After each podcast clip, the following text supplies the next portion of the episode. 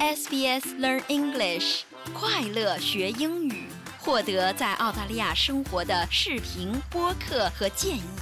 sbs 点 com 点 au 前斜线 Learn English。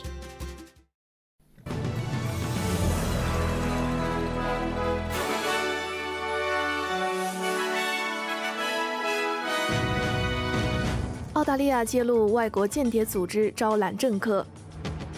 悉尼市中心发生枪击案，致一男子受伤。欧盟主席鼓励冻结俄罗斯资产，以为乌克兰购买军事物资。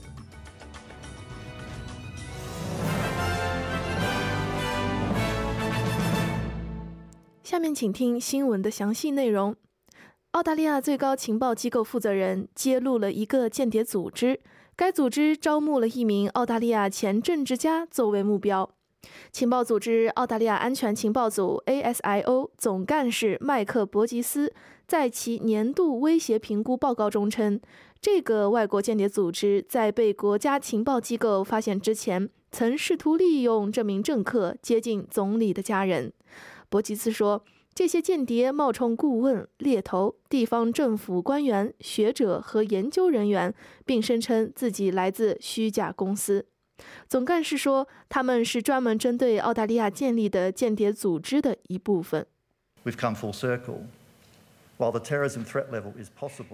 我们已经完整检查了一圈。虽然恐怖主义的威胁等级是可能的，但如果我们对间谍和外国干涉有一个威胁等级的话，它将会是确定等级表中的最高级别。我希望 A 组及其控制者可以明白，如果他们把澳大利亚作为目标，澳大利亚安全情报组就会把他们作为目标。我们会让他们的工作变得尽可能困难、昂贵和痛苦。联邦政府的首个购房者计划已在堪培拉下议院获得通过，但其未来仍存在不确定性。在帮助购房计划的共有产权计划之中，联邦政府将为新建房屋提供房屋价值的百分之四十，为现有房屋提供房屋价值的百分之三十。但绿党表示，他们仍然反对这项立法。参议院是否支持这项立法，则取决于是否有更有利的可负担性措施。住房部长朱莉·克林斯仍对该法案的通过充满信心。他认为该计划将主要帮助到女性。该计划专门针对中低收入的澳大利亚人。我想说的是，该计划将支持的弱势群体和低收入人群，显然是那些在其他情况下无法进行购房的人。你会发现，其中很大一部分是女性。当然，当我们报告计划所支持的群体时，我们打算报告他所支持的群体类型。北领地政府表示，计划建立一个海岸保护区国家公园，以保护具有文化和环境价值的土地。但该计划引发了争议，因为它并不包括达尔文郊区的 Lee Point 的一块有争议的住房开发用地。传统监护者表示。这些树木和土地具有重要的文化意义，也是古尔德雀等濒危物种的栖息地。领地公园与护林部长塞莱纳·乌伊伯称，开发商已同意暂停该项目，直到联邦法院对文化遗产索赔作出判决，而这一提议是最好的办法。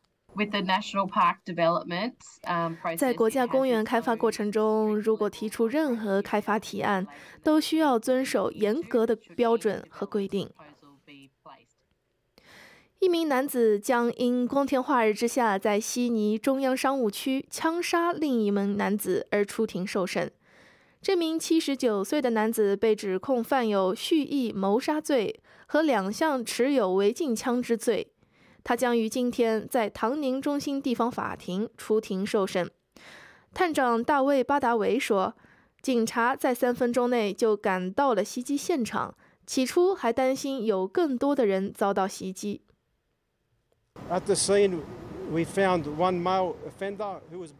在现场，我们发现了一名男性罪犯，他被店内的工作人员按住，他被逮捕了。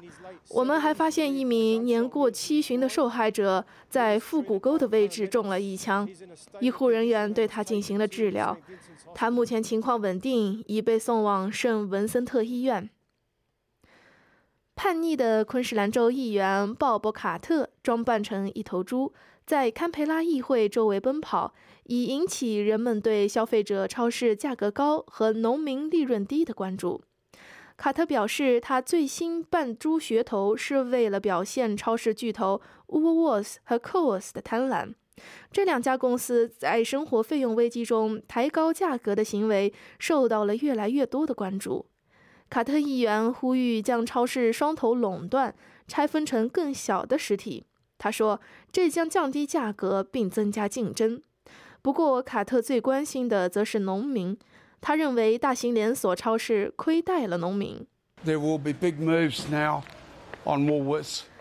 现在，Woolworths 和 Coles 将会有大动作。我请你们注意，在这里，Coles 付给农民九十九澳分，消费者则付三点九澳元。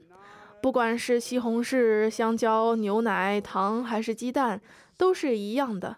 难道我们还要继续让他们坑害农民，向消费者收取数亿澳元的费用吗？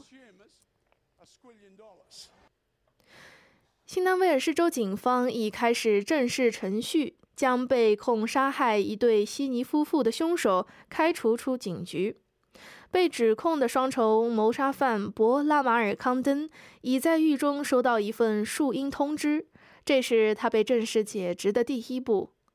他目前被停职停薪，仍被关押在监狱中，被控于二月十九日在帕丁顿的家中用警方配发的枪支谋杀了卢克·戴维斯和杰西·贝尔德。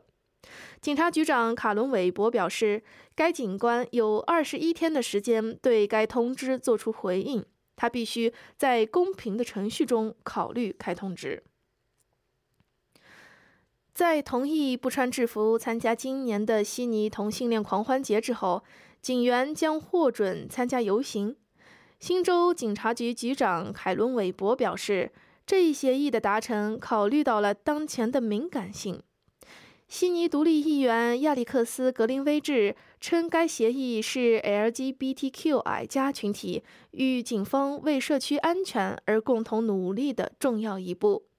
但抗议中的自豪 （Pride in Protest） 组织称，该社区遭到了背叛。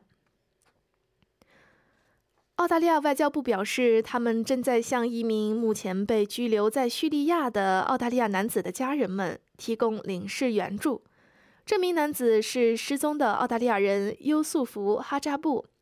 他在2015年被带到叙利亚时还是一名男孩，后来人们担忧其已经死亡。在叙利亚监狱被发现之后，他如今接受了 SBS Dateline 的采访。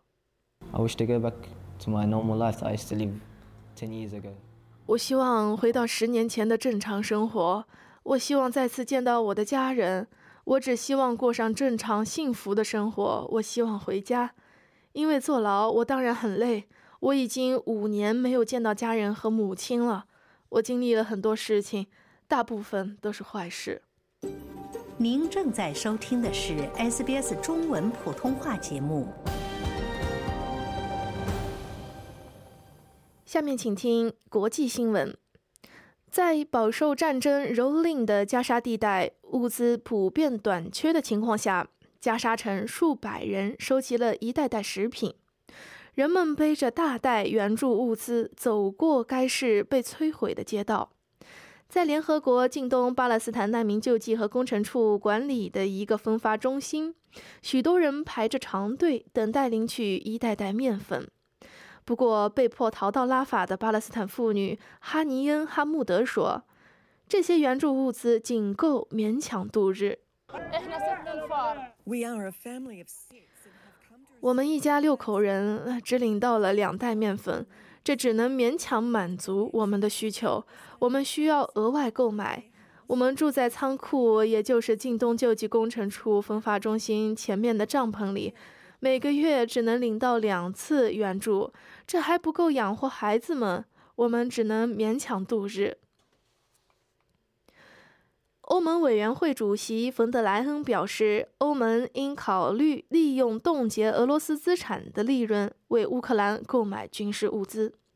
冯德莱恩还预告了欧盟委员会将在未来数周内提出的新的欧洲工业防务战略，称其主要目标之一是优先考虑联合采购。他说，欧洲在防务方面的更大努力不会削弱北约的必要性。The threat of war may not be imminent. 战争的威胁可能不是迫在眉睫，但也不是不可能。战争的风险不应该被过分夸大，而应该做好准备。首先，我们迫切需要重建、补充成员国的武装力量，并且使它现代化。在这个过程之中，欧洲应该努力开发和制造下一代战无不胜的作战能力。阿列克谢·纳瓦尔尼的遗孀在欧洲议会发表讲话，告诉议员们，弗拉基米尔·普京必须为他的所作所为负责。尤利亚·纳瓦尔纳亚获得了议会的起立掌声。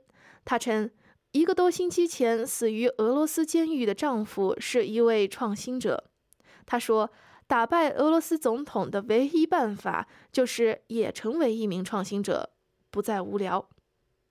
You cannot defeat him by thinking he's a man of principle. 你不能认为他是一个有原则、有道德、有规矩的人，从而打败他。他不是那样的人。阿列克谢很早就意识到了这一点。你面对的不是一个政客，而是一个该死的怪物。But with a bloody monster. 在足球方面。澳大利亚国家女子足球队 Matildas 以十比零的比分击败乌兹别克斯坦队，成功入围今年在巴黎举行的奥运会。澳大利亚队在上半场大举进攻，包括老牌射手米歇尔·海曼的四个进球，使之在半场结束时以八比零的比分领先。海曼是在明星前锋萨姆科尔受伤后退役的，他在十六分钟内上演了帽子戏法。下半场的两粒进球让澳大利亚队以十比零大胜对手。接下来我们来看一下澳大利亚元的汇率，在国际货币市场上，一澳元兑换零点六四九美元，一点零六六新西兰元，同时一澳元可以兑换四点六七五元人民币，五点零八五元港币，以及二十点五六六的新台币。来看一下全国各主要城市今天的天气情况。悉尼以晴为主，最高温度三十五度；墨尔本局部多云，最高温度二十五度；布里斯班以晴为主，最高温度三十二度；堪培拉局部多云，最高温度三十四度；阿德莱德局部多云，最高温度二十四度。珀斯以晴为主，最高温度三十三度；达尔文有阵雨或暴雨，最高温度三十二度；霍巴特局部多云，最高温度二十四度；